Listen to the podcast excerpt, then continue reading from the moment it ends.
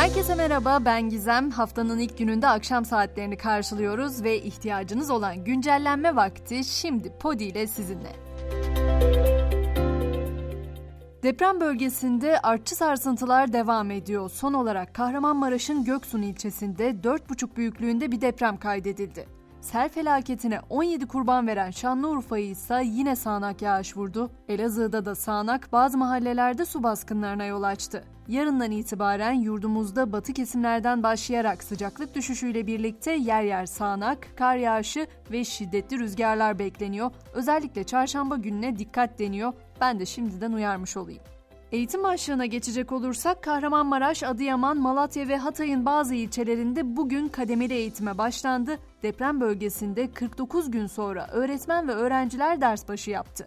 Bu arada 45 bin yeni öğretmen ataması için de ön başvurular bugün başladı. Başvurular 1 Nisan'da sona erecek, atama sonuçları ise 8 Mayıs'ta açıklanacak. Depremlerde yıkılan binalarla ilgili yargı süreçleri de sürüyor ve ilginç ifadeler ortaya çıkıyor. Adana'da ilk depremde büyük bir kısmı çöken, ikinci depremde ise yıkılan Mete apartmanının müteahhidinin savcılık ifadesi ortaya çıktı. Suçlamaları reddeden müteahhit, ilk depremde binanın yalnızca bir kısmı yıkıldı, diğer iki kısmı sağlam şekilde ayakta duruyordu diyerek kendini savundu.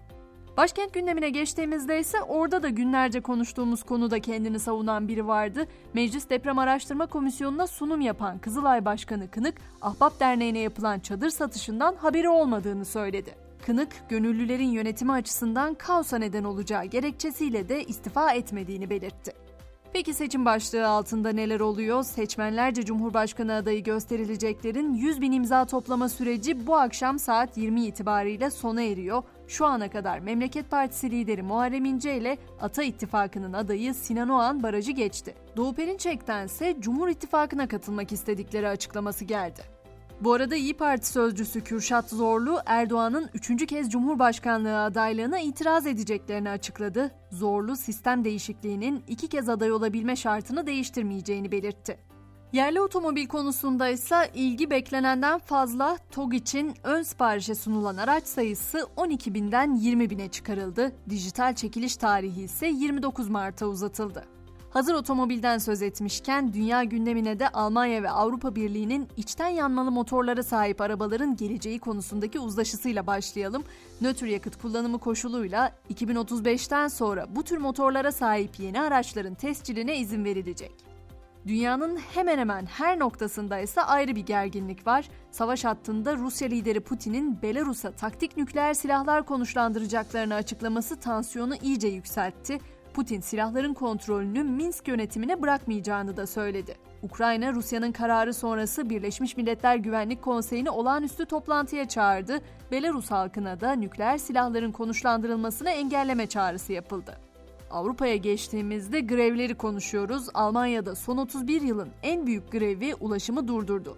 Ülkenin en büyük havalimanlarından Münih ve Frankfurt'ta uçuşlar askıya alınırken uzun mesafeli tren seferleri de iptal edildi. Fransa'da da hükümetin geri çekmeyeceğini açıkladığı emeklilik reformuna tepki büyüyor. Paris'te kültür sektörü çalışanları tartışmalı reforma tepki için Louvre Müzesi'nin girişini kapattı. Protestoların şiddetlendiği ülkede bakanlara da ortalıkta görünmemeleri talimatı verildi. İsrail'e baktığımızda ise tam anlamıyla yangın yeri, yargının yetkilerini kısıtlayan düzenleme nedeniyle tansiyon düşmüyor. Düzenlemeye tepki olarak başlatılan gösteriler sürerken Uluslararası Havalimanı Ben Gurion'da da seferler durduruldu. Türk Hava Yolları da bugün yapılması planlanan Tel Aviv seferlerini karşılıklı olarak iptal etti.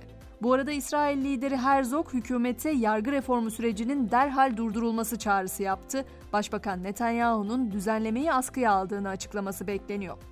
Biraz da Hollywood dünyasından iyi haber vereyim. Marvel sinematik evreninin Hawkeye'ı Jeremy Renner 1 Ocak'ta evinin önünde kar kürerken kaza geçirmiş ve ağır yaralanmıştı. Uzun süre hastanede kaldıktan sonra evinde tedavisi devam ediyordu ve ünlü aktör sonunda yürümeye başladığını sosyal medyadan duyurdu. Bir dikkat çekici haberde son zamanların popüler dizisi The Last of Us'la ilgili işte o diziyle gündeme gelen zombi mantarı İstanbul'da görüldü. Mantarların insanlara zararı olmadığı açıklandı. Her şeyden önce bunu söyleyeyim. Ayrıca binlerce yıldan beri Çin geleneksel tıbbında bu mantarların şifa kaynağı olarak kullanıldığı belirtildi. Artık spor diyelim Euro 2024 elemelerinde bu akşam 8 maç oynanacak. Karşılaşmaların hepsi 21.45'te başlayacak. Futbol Federasyonu da hakem görevlendirme kriterlerini değiştirdi. Hakemlerin 5 haftada 3 maçtan fazla görev almama kriteri kaldırıldı. Ve bugün Dünya Tiyatro Günü ama bir yanımız buruk. Köksal abimizi, Köksal Engür'ü kaybettik. O bazılarımızın Leyla ile Mecnun dizisinden tanıdığı aksakallı dedesi, bazılarımızın çocukluğundaki Susam Sokağı'ndan hatırlayacağı Büdü'nün unutulmaz sesiydi. Tiyatro, sinema ve seslendirme dünyasının başı sağ olsun. Ben de güncelliğini Ulu Önderimiz Mustafa Kemal Atatürk'ün her daim sanata ve sanatçıya gösterdiği kıymetin bir nişanesi olan sanatsız kalan bir milletin hayat damarlarından biri kopmuş demektir sözüyle noktalıyorum ve Dünya Tiyatro Günümüz bir kez daha kutlu olsun diyorum. Yarın sabah görüşünceye kadar şimdilik hoşçakalın.